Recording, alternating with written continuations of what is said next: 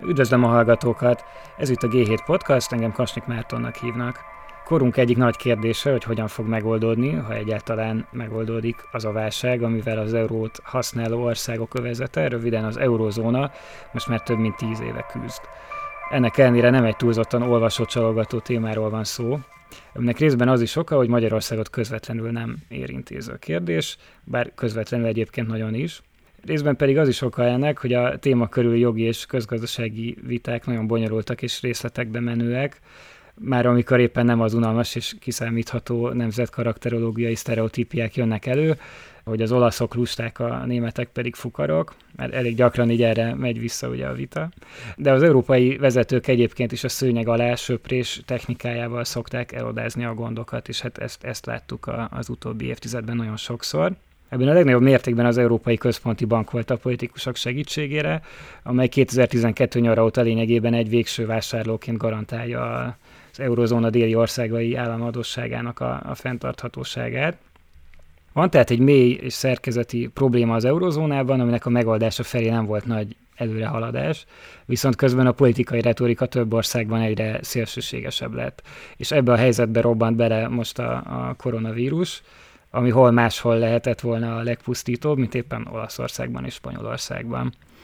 Hogy jobban eligazodjunk ezen a, a probléma halmazon, felhívtam Darva Zsoltot, az egyik vezető brüsszeli politikai gazdasági kutatóműhely a Brüggel Intézet közgazdászát. Szia Zsolt! Szervusz!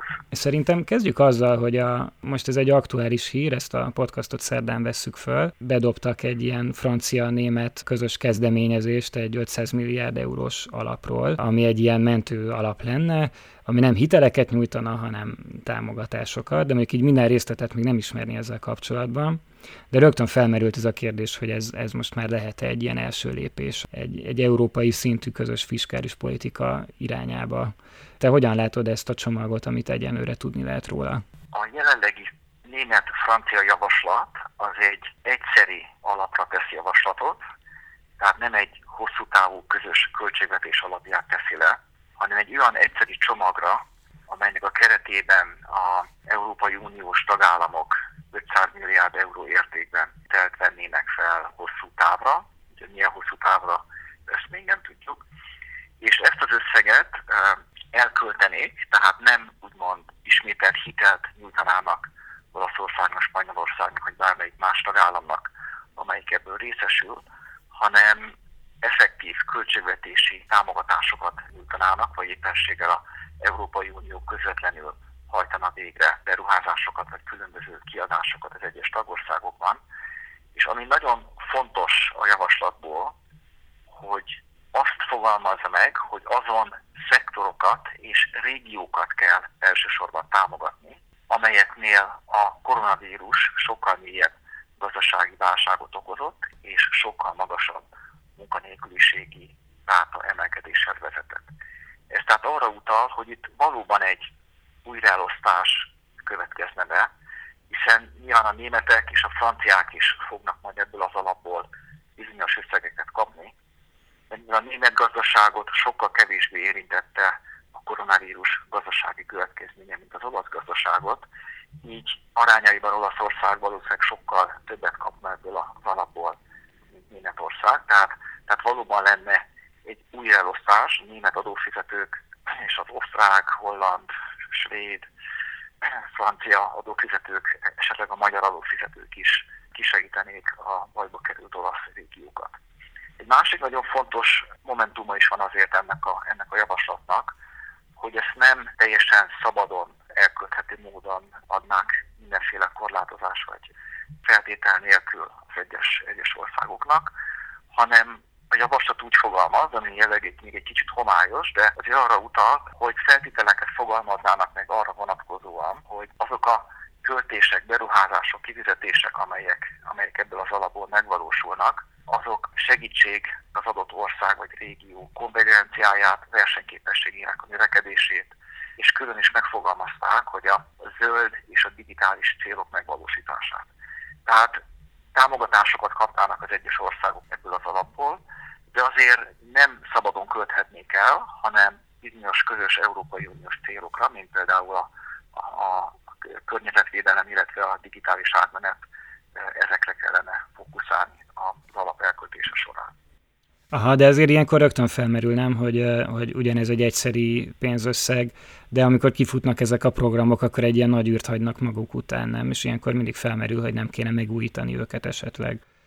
Most a fő probléma az, hogy egyes régiók, országok óriási mértékben visszaestek a koronavírus hatására. Ugye sajnos még keveset tudunk a konkrét hatásról, de néhány országban, például Franciaországban a statisztikai hivatal az végzett egy úgynevezett ilyen gyors becsülést április folyamán, hogy vajon a termelés a normális szinthez képest mennyire esett vissza, és több alkalommal megismételték ezt a gyors becsülést, és minden alkalommal az adódott eredményű, hogy olyan 35-36 százalékkal volt a termelési szint a normális értéke alatt.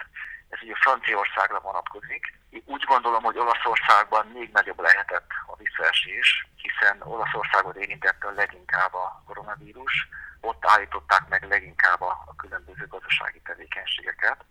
Most ez azt jelenti, hogy egy óriási gazdasági sok érte ezen országokat, és például Olaszország, vagy Spanyolország, vagy Görögország, amelyeknek már amúgy is viszonylag magas volt az államadóságuk, sajnos nincsenek abban a pénzügyi helyzetben, hogy saját maguk kellő pénzügyi erővel ki tudják, ki tudják segíteni saját magukat, tehát magyarul állami költéssel a gazdaságot serkentsék. Németországnak van pénze, mi is nemrég összesítettük és összehasonlítottuk a különböző Európai Uniós tagországokat. Csak összehasonlításként mondom, hogy Németország csak ebben az évben, tehát 2020-ban pótulagosan, tehát amit korábban terveztek 2020-ra azon felül, a bruttó hazai termék 10%-át tervezi elkölteni, illetve hát ezt jóvá is hagyta már a, a német parlament, tehát vezetlen el is el is lesz költve. És ezzel a, a 10%-on felül még nagyon sok adó és társadalombiztosítási járulék elhalasztására is lehetőséget adtak, tehát a vállalatoknak nem kell, vagy később kell csak fizetni a különböző adójárulékokat, és plusz még a GDP-nek majdnem a 30%-át kitevő garanciákat is vállaltak a különböző vállalati hitelekre és tevékenységekre. Tehát Németország rengeteget költ, mert megvan a mozgástere. Viszont a sokkal súlyosabban érintett Olaszország sajnos ezt nem tudja megtenni. Ugyanezen számításunk azt mondta, azt mutatta, hogy a német közel 10%-os azonnali költéssel szemben az olaszok csak körülbelül a bruttó hazai termék 1%-át költik el, mert hát hogyha nincs pénz a kasszában, már magas az államadóság, akkor sajnos óvatosan kell bánni. Tehát ez egy olyan, olyan helyzetet teremt, hogy azon országok, amelyek jobb költségvetési helyzetben vannak, azok ki tudják menteni saját magukat, eh, ami nagyon jó, ezt üdvözölni kell. Viszont azon országok, amelyek rosszabb helyzetben vannak, azok ezt nem igazán tudják megtenni, amit persze lehet sajnálkozni, meg lehet uh, hátrafelé mutogatni, hogy bizony-bizony uh, az olaszok is sokkal fegyelmezettebb költségvetési politikát kellett volna folytatniuk az elmúlt 30 évben. Ugye, hogy te is a bevezetőben említetted, sokan azt mondják, hogy az olaszok lusták, ami persze nem igaz, de, de sajnos ez egy, egy sztereotípia. Tehát lehet visszafelé mutatni a, a múltba és a hibákat felróni és, és számon kérni, de az ilyen helyzetben nem segít. És hogyha Olaszország ebből a nagy mértékű visszaesésből nem tud kilábalni, akkor az a, az egész Európai Unió meg fogja szenvedni, még akár az euró egysége is sajnos kérdéses lehet, hiszen, hiszen a gazdasági visszaesés olyan mértéket ölt, uh-huh. olyan mértéket ér el, hogy, hogy kisöpri a jelenlegi nagyjából középbalos kormánypártokat, és helyette a Salvini vezette szélsőséges erő kerül hatalomra, akkor sajnos megvan annak is az esélye, hogy, hogy Olaszország előbb-utóbb kiesik az eurozónából, vagy akár az Európai Unióból is. Úgy gondolom, hogy most ez közös cél, mind a, mind a 27 tagország közös célja, hogy ne legyen egyik országban sem ilyen mérvű válság, és ehhez bizony most kell tenni, ez az alap, ez most segít, hát ugye, csak feltételes módon tudunk beszélni, hiszen ez egy francia-német javaslat, amelyet ugye mind a 27 tagországnak el kell fogadnia, hiszen a javaslat arra vonatkozik, hogy ez a EU következő 7 éves keretköltségvetésével együtt kerüljön elfogadásra, amiben ugye minden egyes tagországnak vétójoga van. Tehát ez a javaslat, de legalábbis a javaslat abban az irányba mutat, hogy rövid távon segíteni azon országokat, amelyek sokkal nagyobb mértékben estek vissza a koronavírus miatt. Úgyhogy emiatt én üdvözlöm ezt a javaslatot. Persze, mivel az alap ki fog futni, akkor nyilván ez a pénz hiányozni fog, de azt szeretném hangsúlyozni, hogy most van nagyon nagy szükség Európai Uniós segítségre azon a régiókban, ahol nagyon nagy mértékű a gazdasági visszaesés. Aha, az, az olaszokra visszatérve szerintem itt nem az, hogy nem relevánsak ezek a sztereotípiák, hogy lusták lennének, hanem még az sem igaz feltétlenül, hogy, hogy a költségvetési politikájuk az utóbbi tíz évben fegyelmezetlen lett volna, nem? Hiszen ugye meghozták ezeket az elég szigorú eurozónás költségvetési szabályokat, sőt ez az ugye az egész Európai Unióra kiterjed, és hát nagyjából ez is az, ami, ami most korlátozza ezeket a dél-európai országokat most, hogy, hogy legalább átmenetileg csináljanak valamilyen gazdaságérénkítő programot, és hát emögött ott van ugye ez a megszokott észak-déli ellentét, hogy hiába egyezne bele valamibe akár Németország, vagy ott is megvan a, a belpolitikai ellenállás ezzel szemben, de hát ott vannak a, a hollandok, finnek, meg mások is ugye, akik ilyen doktrinár alapon gyakran elfből elleneznek mindenféle ilyen gazdaságélénkítő költségvetési politikát, legalábbis ami az EU-n belüli egyensúlytalanságoknak a kiigazítását célozná. Ezt te hogyan látod, ez hogyan hat a mostani helyzetben?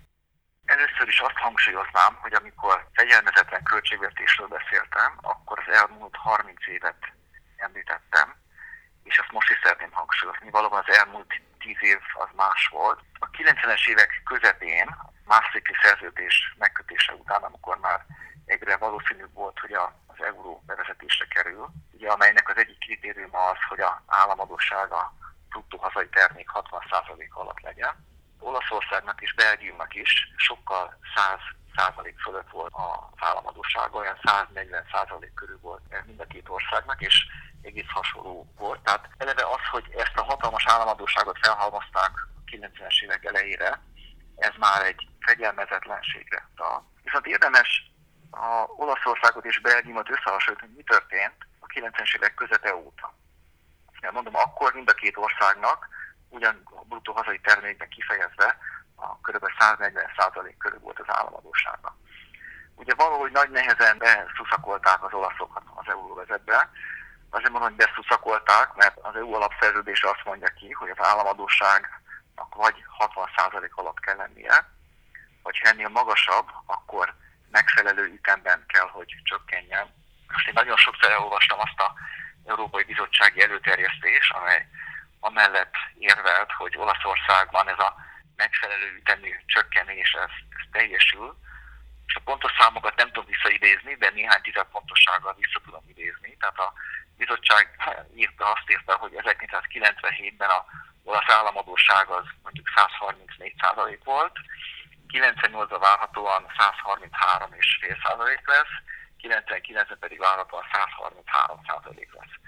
Tehát az a, az a dokumentum, amely azt indokolta, hogy Olaszországban megfelelő ütemben csökken az államadóság, az olyan minimális mértékű csökkenést vetített előre, amely, amely épeszűenben nem tudja azt mondani, hogy, hogy ez megfelelő sebességgel csökken. Tehát ez egy politikai döntés volt végső soron, nem? Nem egy, nem egy gazdasági. Ez politikai döntés volt.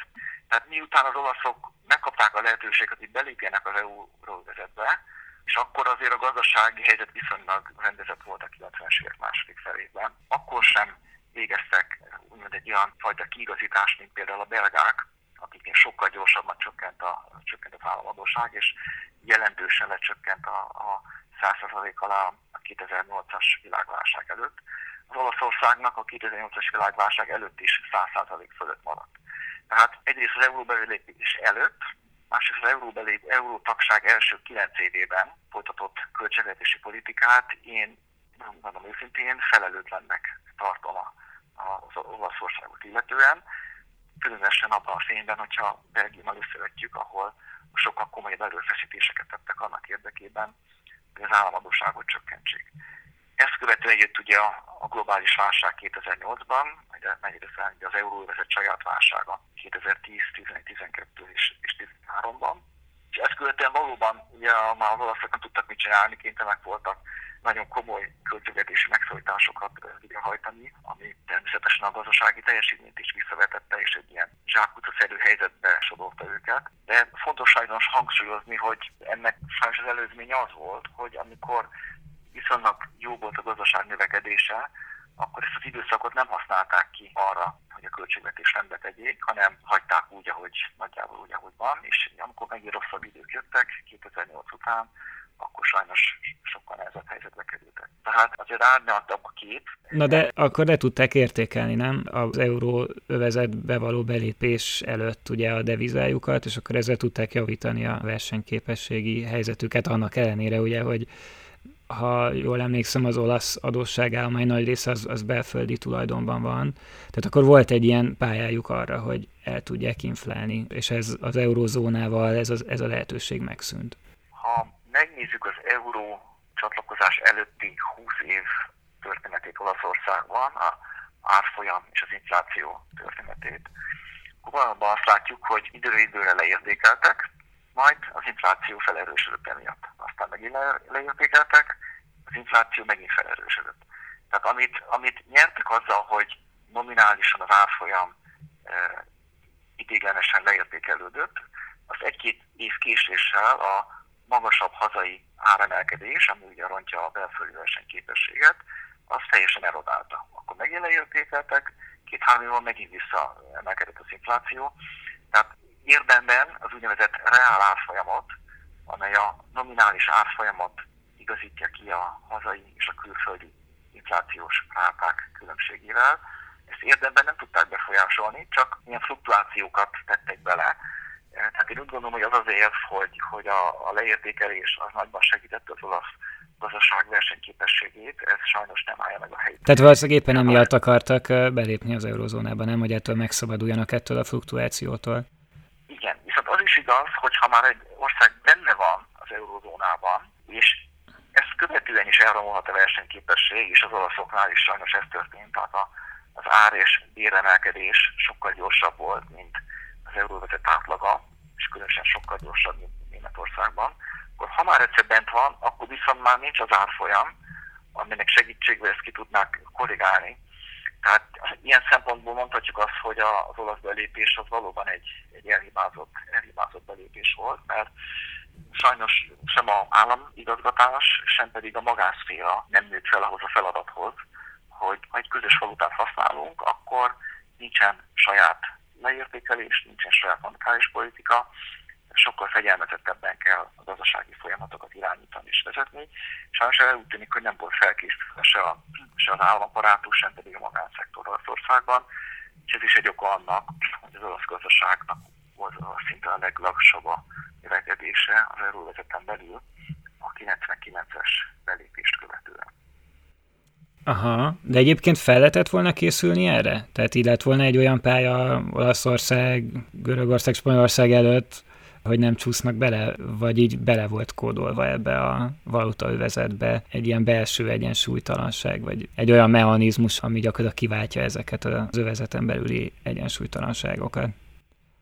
Sajnos ilyen múltbeli forgatókönyveket már nagyon nehéz, nagyon nehéz visszajátszani. Én azt gondolom, hogy ez az euró létrehozása és az abba való belépés 1999-ben egy olyan euforikus helyzetet amelyben nagyon sokan vezetők, közgazdászok, átlagemberek, vállalatvezetők azt gondolták, hogy megérkeztünk a paradicsomba, mostantól az Európai Központi Bank vigyáz az euró értékállóságára, hogy az infláció ne szabaduljon el az euróvezet egészében, tehát mostantól tulajdonképpen már nem kell tartanunk azoktól a korábbi válságoktól, amelyek nagyon sokszor ezen, ezen országokat megrázták.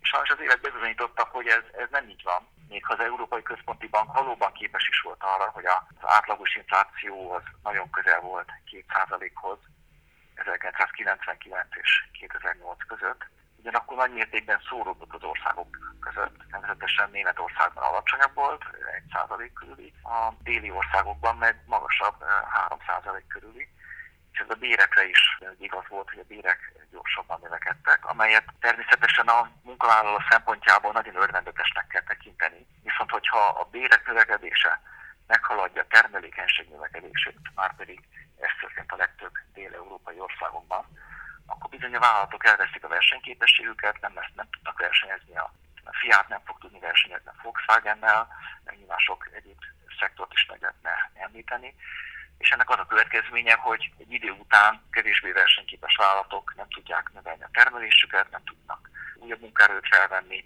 és egyre inkább a Németországból érkező import veszi át a hazai termelésnek is a helyét, és hát sajnos ez, ez elég sok, hát ez minden mindegyik európai országban bekövetkezett. Most ez bele volt-e kódolva, vagy nem, ugye ez egy nehéz kérdés, mert nézhetjük például Szlovákia példáját is, amely ugye 2009-ben csatlakozott az euróvezethez, és én megjegyzem, hogy a szlovák valuta csatlakozási árfolyamát az 2008 nyarán rögzítették, júliusban. Nem tudom, a kedves hallgatók visszaemlékeznek el, hogy akkor a magyar forint is az euróval szemben 240 volt, meg be is nézett 240 alá, és az összes térségbeli valuta az euróval szemben történelmi erősségű volt, és ezt a rendkívül erős árfolyamat rögzítették be a szlovákok maguknak. Aztán ugye össze szeptemberben az amerikai Lehman Brothers befektetési társaság csődbe ment, és akkor ugye a forint is, az is, a cseh korona is óriási mértékben legyengült. A szlovák korona meg nem gyengült le, mert már rögzítették az euró csatlakozási árfolyamát. Ezek ellenére Szlovákia az euróvezetnek az egyik legjobban teljesítő tagállama. Tehát minden szempontból növekedés, munkanélküliség, infláció, nagyon sok pozitív fejleményt lehetne, lehetne említeni. Tehát úgymond Szlovákia képes volt elkerülni azokat a gazdasági problémákat, amelyeket Olaszország, Spanyolország vagy Görögország 99-es csatlakozások után elszenvedett. Ugyanakkor hozzá kell tenni, hogy ez mondjuk már tíz évvel később volt, és addigra már nyilván a szlovákok is tanultak a dél-európai példából. De minden esetre azért azt szeretném kihozni, hogy hogyha egy ország belép az euróvezetbe, akkor azért nem feltétlenül fog egy dél-európai utat bejárni, és mondom, erre Szlovákia adja a legjobb példát. Uh-huh. De hát ez egy elég nagy különbség, nem Szlovákia meg a, a dél-európai országok között, hogy a, gyakran azt mondják, hogy Dél-Európában az egyik legnagyobb akadálya a növekedésnek az ugye az, hogy túlságosan szabályozott egy sor piac, ami mögött mindenféle politikai érdek van, ami nagyon, ne, nagyon nehéz, hát meg társadalmi érdek, tehát nagyon nehéz változtatni rajta és ez mondjuk Szlovákiában, meg a balti országokban meg, meg annyira nem volt jellemző. Tehát ezek ilyen könnyebben alakítható gyengébben szabályozott országok voltak. Természetesen ez is, ez is belejátszik, viszont akár az euróvezet tagja Olaszország, akár, az, akár nem tagja az övezetnek, ezek a problémák akkor is fennállnak. És ha valóban megnézzük a, az olasz termelékenység növekedésnek az ütemét, akkor az nem a 1999-es EU csatlakozással lassult le, hanem sajnos már a megelőző bő tíz évben is egyik leglassabb volt az Európai Unión belül. Ez is ezeket a strukturális problémákat jelzi. De hogy említsek meg egy másik tényezőt is, ami egy nagyon érdekes kutatásból származik, amelyet a kollégáim végeztek vállalati alapokon. Nevezetesen tíz országban működő vállalatoknak az egyedi teljesítményét vizsgálták meg, köztük volt Olaszország is, Magyarország is, Németország is. És arra az érdekes következtetése jutottak, hogy azon vállalatok, amelyek már viszonylag nagyobb, tehát a közepes vagy annál nagyobbak, viszonylag sok külkereskedelmet folytatnak, tehát exportálnak, importálnak más európai országokba, illetve más európai országokból. És a menedzsmentjük az professzionális, abban az értelemben, hogy nem a tulajdonos testvérét nevezik ki, hanem egy, egy professzionális menedzser kérnek fel. Ezen vállalatok szinte minden országban nagyon termelékenyek. Olaszországban is. Tehát Olaszországban is sok olyan vállalat van, amely ugyanolyan termelékeny, mint mondjuk a német, vagy a holland, vagy az osztrák társai, amennyiben elér egy bizonyos szintet, és a menedzsmentje is professzionális alapon működik. Csak a gond az, hogy ezen déli országokban sokkal kevesebb vállalat válik ilyen nemzetközi szintű jól menedzselt vállalattá. Nagyon sok vállalat megreked ott a kis helyi piacon, ott van egy kis helyi manufaktúra, aki a falunak előállítja nem tudom milyen olyan termékeket, és uh, tulajdonos az édesapa, a főmenedzser a, a fiú, az édesanyja látja a tudom, másik könyvelési feladatokat, tehát ilyen kis családi keretekben működnek, ami nyilván szociális szempontból nagyon jó, mert összetart a család, és, és ez egy nagyon fontos érték az én szememben. Ugyanakkor a gazdasági következményeit meg azt, azt sajnos látni kell, hogy az ilyen családi kis vállalkozások azok, azok nem növekednek, nem képesek arra, hogy, hogy termelékenyebbé váljanak, ezáltal újabb és újabb munkahelyeket teremtsenek, és, és nagyobb hozzáadott értéket állítsanak elő. És a gond az, hogy ezen európai országokban van, hogy kis, kis vállalatok nagyon nehezen tudnak, tudnak növekedni. Így mondjuk Hollandiában vagy Németországban sokkal jobb a perspektívája az ilyen kisebb vállalatoknak. Tehát ez is egy olyan alapvető strukturális probléma, amely, amely hátráltatja a dél-európai országokban a gazdaság növekedését. Aha, tehát végül is akkor tulajdonképpen a vállalati szektorban nincs meg a növekedés igénye ezekben az országokban? Ez most egy kicsit kisarkítom, mert amit mondtál, de végül is, hogyha a cégek vezetése nem tesz mindent meg azért, hogy behozzák a professzionális menedzsert, meg, meg mindenképpen megpróbáljanak bővülni, hanem megelégednek a piacnak egy kis szegletével, meg nem próbálnak meg exportpiacokat szerezni, stb. stb. Tehát, hogy végül is ez egy ilyen belső motivációja is a, a cégek egy részének akkor nem, hogy, hogy így lassabban bővüljenek. Igen, igen. És uh-huh. mondom, ez mondom családi szempontból kedvező dolog, viszont a gazdasági növekedés foglalkoztatottság szempontjából kedvezőtlen. Hát igen, csak akkor kérdés, hogy, hogy mit lehet csinálni gazdaságpolitikával, hogyha a vállalat tulajdonosok nem szeretnének növekedni. Lehet úgy változtatni a, a szabályokat? Lehet nekik olyan ösztönzőket kínálni, amely esetén átgondolják az eddigi stratégiájukat.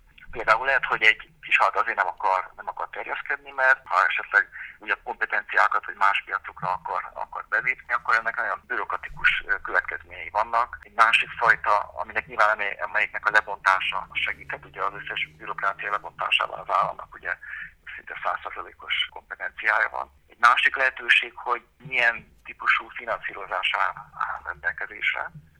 Ugye, hogyha ha egy hitel fel, vagy fejlesztési hitel felvételéhez ugye 155 dokumentumot kell kitölteni, még mindegyik elképesztő hosszú, és hosszú órákat kell tölteni azzal, hogy, hogy, hogy a vállalat megfogalmazza a céljait, és, és a, a hitelkérelmet megkapja, akkor ez is ugye eltántorítja, mint hogyha vannak olyan finanszírozási lehetőségek, amelyek könnyebben elérhetőek, akkor, akkor lehet, hogy a tulajdonos meggondolja, hogy, hogy hm, végül is fel tudok venni egy jó finanszírozási lehetőséget, egy jó hitelt, vagy akár be tudok vanni kockázati tőkét, és akkor esetleg, hogyha a szomszédfaluba is kiterjesztem a tevékenységemet, akkor lehet, hogy kétszer ennyi lesz a, a bevételem, és akkor e, tudok venni még egy házat magamnak, vagy egy új autót. Tehát azért a, a lehetőséget, amelyek egy jelentős részét azért az állami szabályozás határozza meg, azok is befolyásolhatják a vállalatok az a motivációját, hogy megelégszenek-e a helyi kis piacukkal, vagy esetleg megpróbálják onnan kitörni, és akár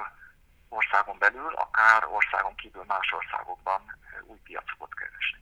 Aha, de végül is azért azt tettük, nem, hogy a, amióta igazán forró volt az euróválság, ennek már egy ilyen 7-8 éve, azóta a Spanyolországban is, meg Olaszországban is azért valósítottak meg olyan politikákat, amiket, hogy mondjam, az ilyen közgazdasági mainstream is kívánatosnak tart, nem? Tehát igazából meg, megpróbálkoztak valamennyire ilyen strukturális reformokkal, meg nagyjából a költségvetési politikát is kordában tudták tartani. És szerinted ki lehet mondani, hogy ezek kudarcosak voltak ezek a törekvések, vagy, vagy ha igen, akkor, akkor hol, hol buktak el ezek? Valóban sok reformot igyekeztek bevezetni, és sokat be is vezettek. Egyébként a spanyolok esetében ez viszonylag sikeresnek is mondható, hiszen Spanyolország elég sokat vergődött 2012 után, de az elmúlt években a spanyol gazdasági növekedés volt az egyik leggyorsabb az Európai Unión belül. Ha megnézzük például a spanyol export bővülését, az is arra utal, hogy sikerült bizonyos mértékben a gazdaságokat átstruktúrálni a munkanélküliség is ilyen, ilyen nagyon magas szintről, 20% feletti szintről, de számottevően csökkent Spanyolországban az elmúlt években. Tehát azért azt szeretném mondani, hogy a bizonyos sikerek azért látszanak, csak éppenséggel jobban látszanak Spanyolországban, és kevésbé látszanak sajnos Olaszországban. Mint közgazdász meggyőződésem, hogy ezeknek a struktúrális reformoknak hosszú távon van pozitív hatása, de azt is gondolom, hogy nagyon nehéz számszerűsíteni. Tehát, hogyha most valamilyen olyan reformot vezetnek be például a termékpiacon, amely a verseny növeléséhez vezet, vagy a lebontja a bürokráciát, ugye ha az embernek van egy peres ügye, akkor nem három évet kell várni arra, hogy, hogy az ügyben ítélet szülessen, hanem mondjuk már egy éven belül megszületik az ítélet, és emiatt a sokkal hamarabb elrendezésre kerülnek, a vállalatok sokkal hamarabb tiszta helyzetbe kerülnek. Ezek mind olyan tényezők, amelyek segítik a gazdasági tervezést és a gazdaság felendülését. De hogy mennyivel, azt ugye nagyon, nagyon nehéz számszerűsíteni, és hát úgy látszik, a spanyolok eddig sikeresebbek voltak ez ügyben, mint az olaszok. Uh-huh. Jó, van egy nagyon befolyásos irány, ahonnan mást találnak meg, mint az ilyen európai problémák fő felelősét. Tehát, hogy az ember kinyitja az ilyen angol nyelvű üzleti sajtót, akkor szinte kizárólag olyan cikkekkel lehet találkozni, amiben Németországot kritizálják, amiért a, a németek ugye az utóbbi tíz évben egyáltalán nem éltek azzal a az ilyen költségvetési, meg egyéb pénzügyi mozgásterükkel, amiük volt. Tehát ugye nagyon, nagyon gyakran megvádolták őket azzal, hogy mindent alárendelnek ennek az export vezérelt növekedésnek, és a másik oldalon nem fogyasztanak eleget. És ugye az így a folyófizetési mérlegekből összegyűlő tőkét azt így muszáj volt exportálniuk, amivel, ami hát részben így indokolta a, az eurozóna válságát megelőző problémákat, legalábbis ez szerint a, a nézet szerint. És szerinted van, van ennek alapja? És hogyha igen, akkor miért olyan makacs mégis a német gazdaságpolitikájának ellenére? Vagy legalábbis volt egészen a koronavírus válságig, mert most azt látjuk, hogy most elkezdték ellőni azért ezt a puskaport. A rövid válaszom az, hogy van alapja, és megpróbálom ezt olyan országokban, amelyeknél a, a demográfiai folyamatok nagyon kedvezőtlenek, mint például mint a Németország vagy, vagy Japán, ilyen országokban úgymond egy bizonyos szintig, ezt szeretném hangsúlyozni, teljesen racionális az, hogy, hogy többleteket is halmoznak fel, hiszen amikor a jelenleg dolgozó korosztály majd idős lesz, akkor ugye sokkal kevesebb lesz a munkavállalók száma, ezen sokkal kevesebb munkavállalónak kell eltartania sokkal több nyugdíjast, már pedig ezt tudjuk, hogy ez, ez így nem igazán lehetséges, vagy pedig minden csak úgy lehetséges, hogyha az állami nyugdíjak reál értéke az, a számok természetesen csökkenni fog. Most ilyen helyzetben az egy racionális viselkedés, hogy megtakarítanak az emberek, vállalatok, és majd 20-30 év múlva, amikor nyugdíjba mennek, akkor ezzel megtakarításokat fejélik. Viszont Németországban a legtöbb számítás szerint, és egyébként én magam is végeztem számításokat arra, hogy külső egyensúlynak mi lehet az egyensúly értéke, nagyon nagy mértékben meghaladja a tényleges külső többlet, a folyó fizetési mérleg tényleges többlete, ami a bruttó hazai termék 8%-a körül ingadozott a, a elmúlt 10 évben. Nagyon nagy mértékben meghaladja azt, amit közgazdasági okból, okokból úgymond meg lehet, meg lehet indokolni, ami mondjuk 3-4 százalékos többlet megfelelne meg. Tehát, van, tehát egész van alapja a németnek, de nagyon nagy mértékben túlzásba került ez, a, ez a többlet. És ha megnézzük, hogy, hogy mi történt Németországban, hát valóban a, a megtakarítások nagyon nagy mértékben növekedtek. Egyfelől az állam megtakarítása, ahogy, ahogy említetted is, az állam, a német állam sokkal nagyobb költségvetési többleteket halmozott fel, mint ami a német államadóság szabályból következne, és pláne sokkal nagyobbat, mint amit az Európai Uniós szabályok megkövetelnének. Tehát még a saját szabályaikat is úgymond erősen nagy mértékben túl teljesítették. Mert a vállalatok is érdekes módon többleteket, nagyon nagy vállalati megtakarításokat halmoznak fel, ahelyett, hogy otthon beruháznának, eh, ehelyett megtakarítanak, és nyilván az így megtakarított pénzt azt külföldön fektetik be, vagy közvetlenül, vagy pedig a, a bankrendszer segítségével a bankrendszer átcsatornázza ezeket a Aha, ezek a beruházások egyébként nem hiányoznak Németországban belföldről? Nagyon hiányoznak. Nem tudom, a, a hallgatók mennyit járnak német autópályákon, de én amikor jártam, én igaz láttam, hogy itt ott lukak vannak, vagy, vagy kátyuk miatt lezárások, meg hidak rozsdásodnak. Tehát az ember úgy, úgy, úgy vizuálisan is látja azt, hogy az infrastruktúra az, az felgyarításra szorul. De ezen úgymond személyes impressziókon túl láttam több olyan német kutatóintézetnek az elemzését, amelyek nem próbálták a lehető legkörültekintőbben felmérni a Németország beruházási igényét, mind a állami beruházásokat illetően, mind pedig a magánszektort illetően, és tipikusan az elemzések azon következtetése jutnak, hogy valóban egy nagyon nagy beruházási hiány van Németországban, sokkal több beruházásra lenne szükség. És nyilván ez előbb-utóbb vissza fog ütni, mert hogy az infrastruktúra nem tud szinten maradni, nem hogy fejlődni, akkor, akkor ez előbb-utóbb azért a, a gazdaság teljesítményét is vissza fog fogni. Hát igen, a cégeknek a termelékenységénél is lehet probléma, nem? Tehát akár még ennek az export szintnek a, a fenntartása is fenntarthatatlanná válhat. Igen, és még a tőke, tőke kivitele kapcsolatban egy nagyon fontos kérdést említenék meg. Ugye 1999-es euró létrehozás követően, a 2008-as válságig, ugye nagyon nagy mértékű tőkeexport valósult meg Németországból és más ilyen nagyobb megtakarító országokba, főként Dél-Európa irányában. De az összetétele ennek a tőkeexportnak az alapvetően hitel volt. Tehát nem közvetlen külföldi tőkebefektetések valósultak meg, nyilván azok is megvalósultak, csak sokkal kisebb arányban, hanem döntésben hitelnyújtás történt ezen bérállamoknak. Még ha összevetjük mondjuk, amit mi Magyarországon látunk, nagyjából a 2008-as válság előtti időszakról beszélek, nagyjából fele-fele volt, amit hitelt kaptunk, másik fele, amit közvetlen beruházásként, tehát hogy gyárakat hoztak létre, vagy vásároltak fel. És ugye hitel az sérülékenységet okoz, hiszen a hitelt azt egyrészt vissza kell fizetni. Ha nem jön válság, akkor persze a hitelt könnyen vissza lehet fizetni, de ha jön, jön egy válság, mint ami ugye a 2008-as globális pénzügyi válság sajnos megérkezett, illetve most ugye a koronavírus miatti gazdasági válságon megérkezett, akkor ugye a hitelfelvevők azért elég nehéz helyzetben vannak. Míg hogyha közvetlen tőkebefektetés történik, akkor ugye a tőke tulajdonos esetleg elszenved veszteséget, de a közvetlen tőkebefektetés azt nem kell visszafizetni. Tehát azt is szeretném hangsúlyozni, hogy sajnos az euróvezetnek egy másik sajátos problémája volt, hogy ez teljesen a magánszektor döntésén múlik, hiszen valaki egy megtakarítás, az önmaga dönti el, hogy mit csinál vele, járat vesz belőle, vagy éppen hitelt nyújt egy, egy spanyol banknak. És sajnos a német tőke kivitel szerkezete az nagyon nagy mértékben a hitelek felé mozdult el 99 és 2008 között, és ez is egy olyan tényező volt, amely később súlyosította a megkövetkező válságot. Aha, és azóta ez hogyan alakult?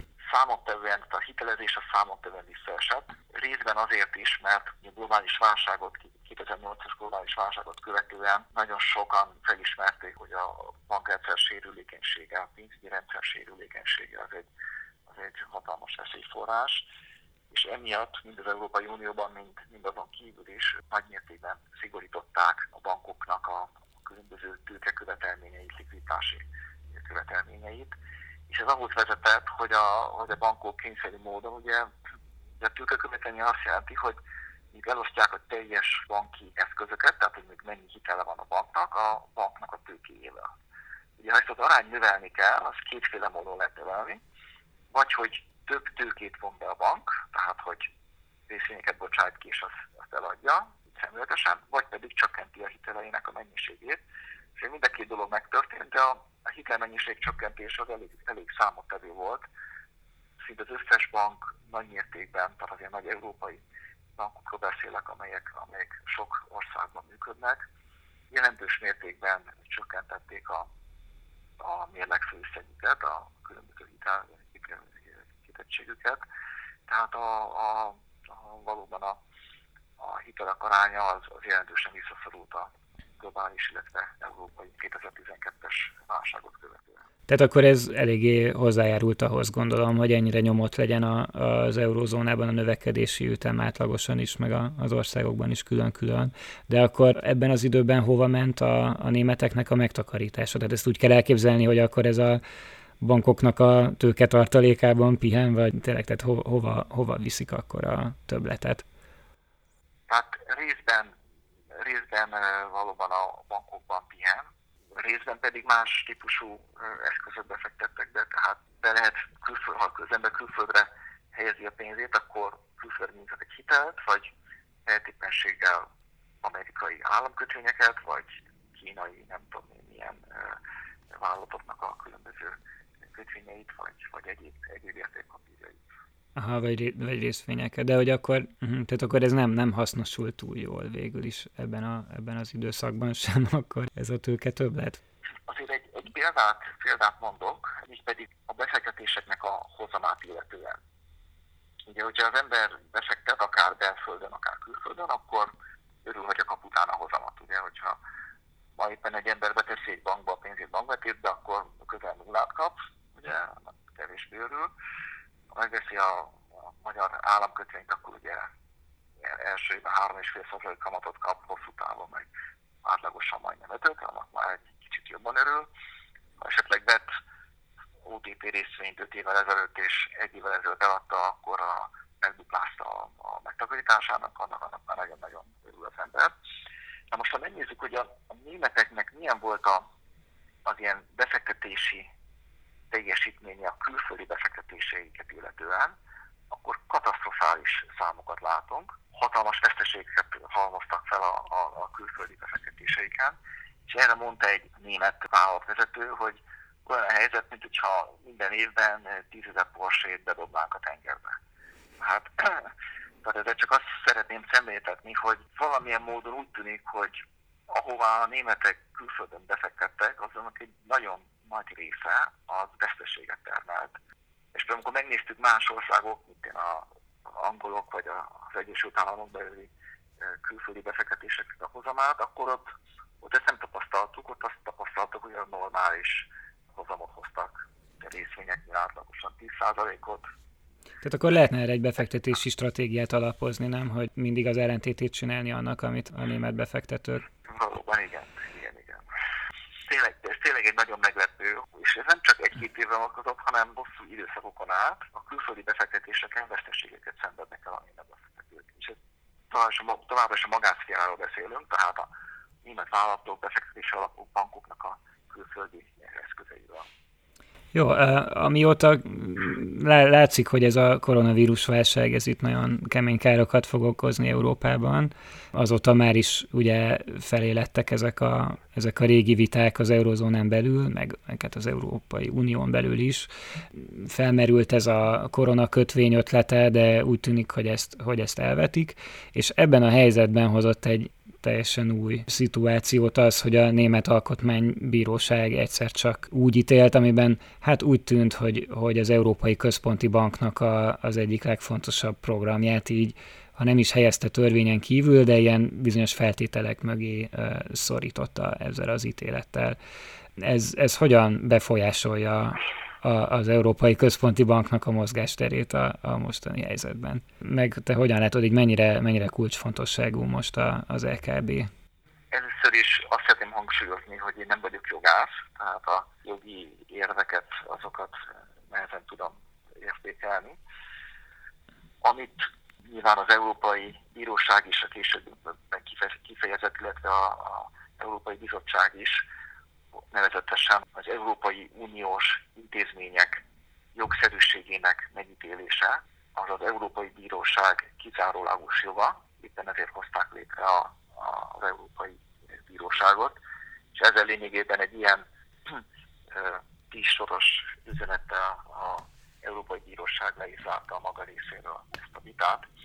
Ugyanakkor a Német Alkotmánybíróság meg abból indult ki, hogy nekik joguk és kötelességük, hogy felügyeljék az Európai Uniós szerveknek a jogszerű működését, és ők úgy gondolták, hogy a Európai Bíróság döntése, amely helyben hagyta az Európai Központi Bank eszközvásárlásait, ez módszertani jogi minden szempontból elfogadhatatlan, és emiatt úgy gondolták, hogy a német jegybank a továbbiakban nem vehet részt ebben a programban, ha csak az Európai Központi Bank nem igazolja hogy a, a, az általa végzett eszközvásárlások azok, azok arányosak az elérni kívánt cél, nevezetes az infláció 2%-ra emelése, és a egyes hátrányok között, amit, amiket okozhat, például az, hogy német megtakarítóknak ugye nulla kamatot kapnak a, a bankszámáik után. Tehát ez egy, mondom, egyfelől egy, egy nagyon komplikált jogi helyzet, amelyet amelyet én nem, nem szeretnék kommentálni, mert nincs, nincs finanszírozása. Hát igen, de végül is a Német Alkotmánybíróság is teljesen gazdasági érveket dobott be, ráadásul ebből a nagyon konzervatív német tradícióból, amiben, tehát minthogyha ebben a tényleg elképesztően bonyolult volt ez a, ez a döntés, de, de ilyen hosszasan kritizálják benne az Európai Központi Bankot ilyen gazdasági alapon, hogy, hogy, hogy ezzel az adósságok növekedéséhez járulnak csak hozzá, és csökkentik a hozamát a megtakarítóknak, tehát ez végül is egy ilyen gazdaságpolitikai állásfoglalás egy alkotmánybíróságtól.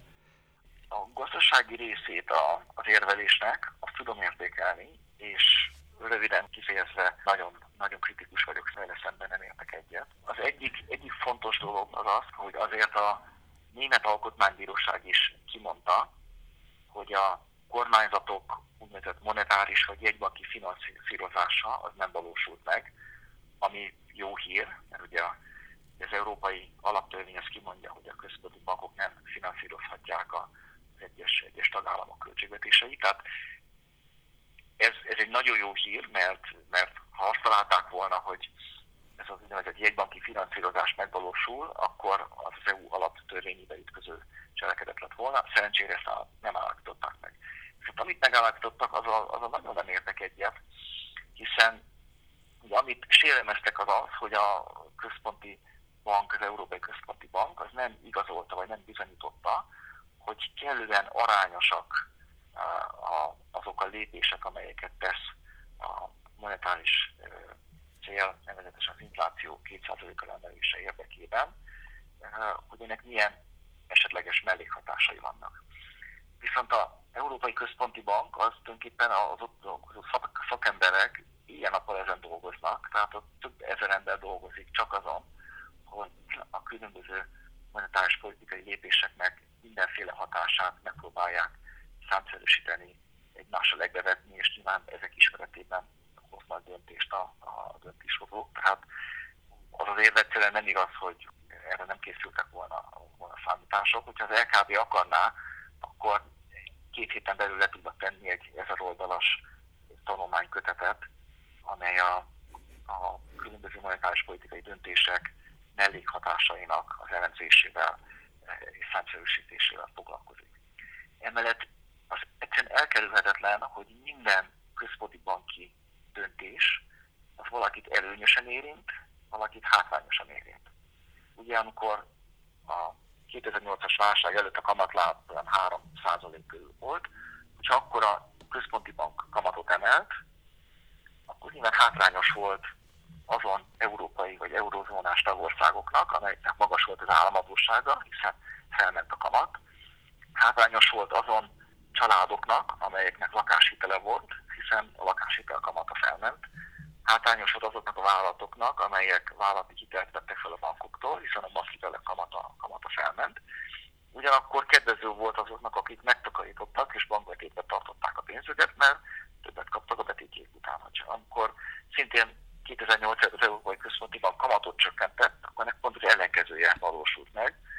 Ugye azok, azok részesültek előnyben, akiknek hitele volt, hiszen kevesebb kamatot kellett fizetni hitel után, és azok szenvedtek hátrányt, akik bankbetétben tartották a pénzüket, mert kevesebb kamatot kaptak a megtakarított pénzük után. Tehát, tehát egyszerűen minden jegybanki lépésnek, nem csak a mostani nagymértékű eszközvásárlásnak, de minden jegybanki lépésnek vannak kedvezményezettjei és hátrányos olyan emberek, meg vállalatok, meg kormányok, amelyek, amelyek számára hátrányos.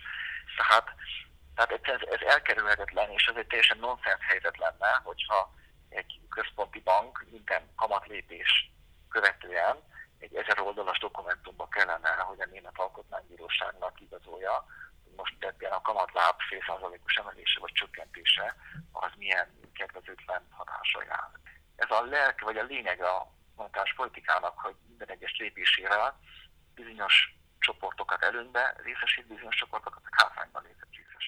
Hát meg gondolom lett volna a meglepődés, hogyha a görög alkotmánybíróság is valami hasonlóra próbálná rávenni az Európai Központi Bankot, vagy a Litván, vagy valamelyik kisebb ország. Tehát ez kicsit ilyen hatalmi arroganciáról is tanúskodik, azt hiszem, bár fontos kiemelni, hogy német alkotmánybíróságnak ugye nincsen joghatása az Európai Központi Bankra, hanem a német jegybankra, a Bundesbankra van. Tehát ők azt mondta, német alkotmánybíróság úgy döntött, hogy ha csak az Európai Központi Bank nem igazolja megfelelő módon, hogy a, ezek az eszközvásárlási programok ezek arányosak három hónapon belül, akkor három hónapot követően a német jegybank nem vehet részt ebben a programban. De nyilván ő a német alkotmánybíróság nem tudja betiltani, vagy megtiltani a Európai Központi Banknak, hogy valamit csináljon, mert arra nincs a joghatósága, de a német jegybankra van joghatósága.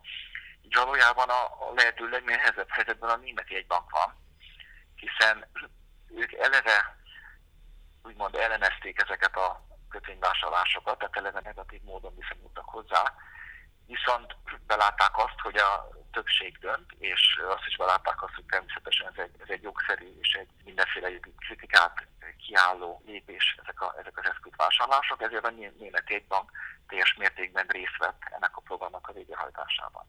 De most ugye a Német Alkotmánybíróság hatására ugye borzasztó döntések előtt állnak, hogy most vajon behódol a Német Alkotmánybíróság döntésének, és akkor három hónap múlva, vagy most már csak két és fél hónap múlva kiszáll ebből a programból, vagy azt mondja, hogy a, az európai intézmények mondanak, hogy egy nemzeti alkotmánybíróságnak nincsen joga felülbírálni az Európai Bíróság döntését, pedig az Európai Bíróság korábban ezt a programot jóvá hagyta, és akkor folytatja, vagy esetleg valamilyen elmismásolás fog történni, hogy, hogy a, esetleg a német Bundesbank fog egy dokumentumot kibocsájtani, amely igazolja azt, hogy arányosak ezek a, ezek a kötvényvásárlások az elért cél és a gazdasági hátrányok között.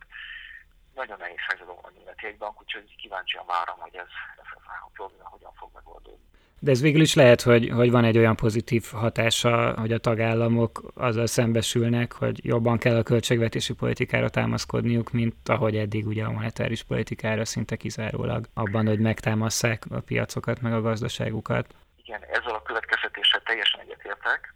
Eddig sajnos mind a globális válság, 2008-as globális válság, az azt követő 2010-12 közötti euróvezeti válság és a mostani járványhelyzet miatt okozott gazdasági válság során is túl nagy teher hárult az Európai Központi Bankra az eurózónán belül. Lényegében eddig minden három alkalommal az Európai Központi Bank volt a legfontosabb, leghasznosabb döntéseket hozó Európai Uniós intézmény. És valóban azért ez a mostani állam, német állam bírósági döntés azért lehet, hogy elbizonytalanítja az Európai Központi Bankot, igen a a Madame Lagarde és a a többi vezetője azóta is többször nyilatkoztak, hogy nem jelent az ő politikájukban semmiféle változás, meg a német alkotmánybíróságnak a, a döntése. Azért a tudat alatt valószínűleg ott van mindenkinél, hogy jó, jó, de mi van, hogyha jön majd egy következő döntés, amely ami következő, következő lépésünket ítéli el, aztán majd jön egy másik. Tehát valóban ez egy úgymond figyelmeztetője mind az LKV-ban dolgozó vezetőknek, mint pedig az egyes országok vezetőinek, hogy nem biztos, hogy örökké az Európai Központi Bank lesz a gazdasági helyzet megmentője. A pár napja megjelent német-francia Merkel-Macron javaslatot is akár tekinthetjük egyfajta reakciónak, hiszen ez az 500 milliárdos újjáépítési alap, amelyet ők, ők javasoltak, valóban egy, egyfajta ugyan egyszeri, tehát nem egy, egy hosszú távon közös, közös költségvetés létrehozását célozza, egy jelenlegi nagyon súlyos problémára egy, egy egyszeri költségvetési megoldást javasol, ugye, ahogy a beszélgetés elején, elején ígértettük. Tehát azért valami, valami történik, és, és már csak ebből a szempontból is Német Alkotmánybíróság esetlegesen Európai Központi Bankot elbizonytalanító döntése miatt is fontos, hogy ez a német-francia javaslat elfogadásra kerüljön és megvalósuljon. Na jó, hát akkor azt hiszem, ezt nagyjából azért végigbeszéltük ezt az elég bonyolult kérdést, úgyhogy köszönöm szépen Darvas Zsoltnak, hogy a vendégünk volt a héten.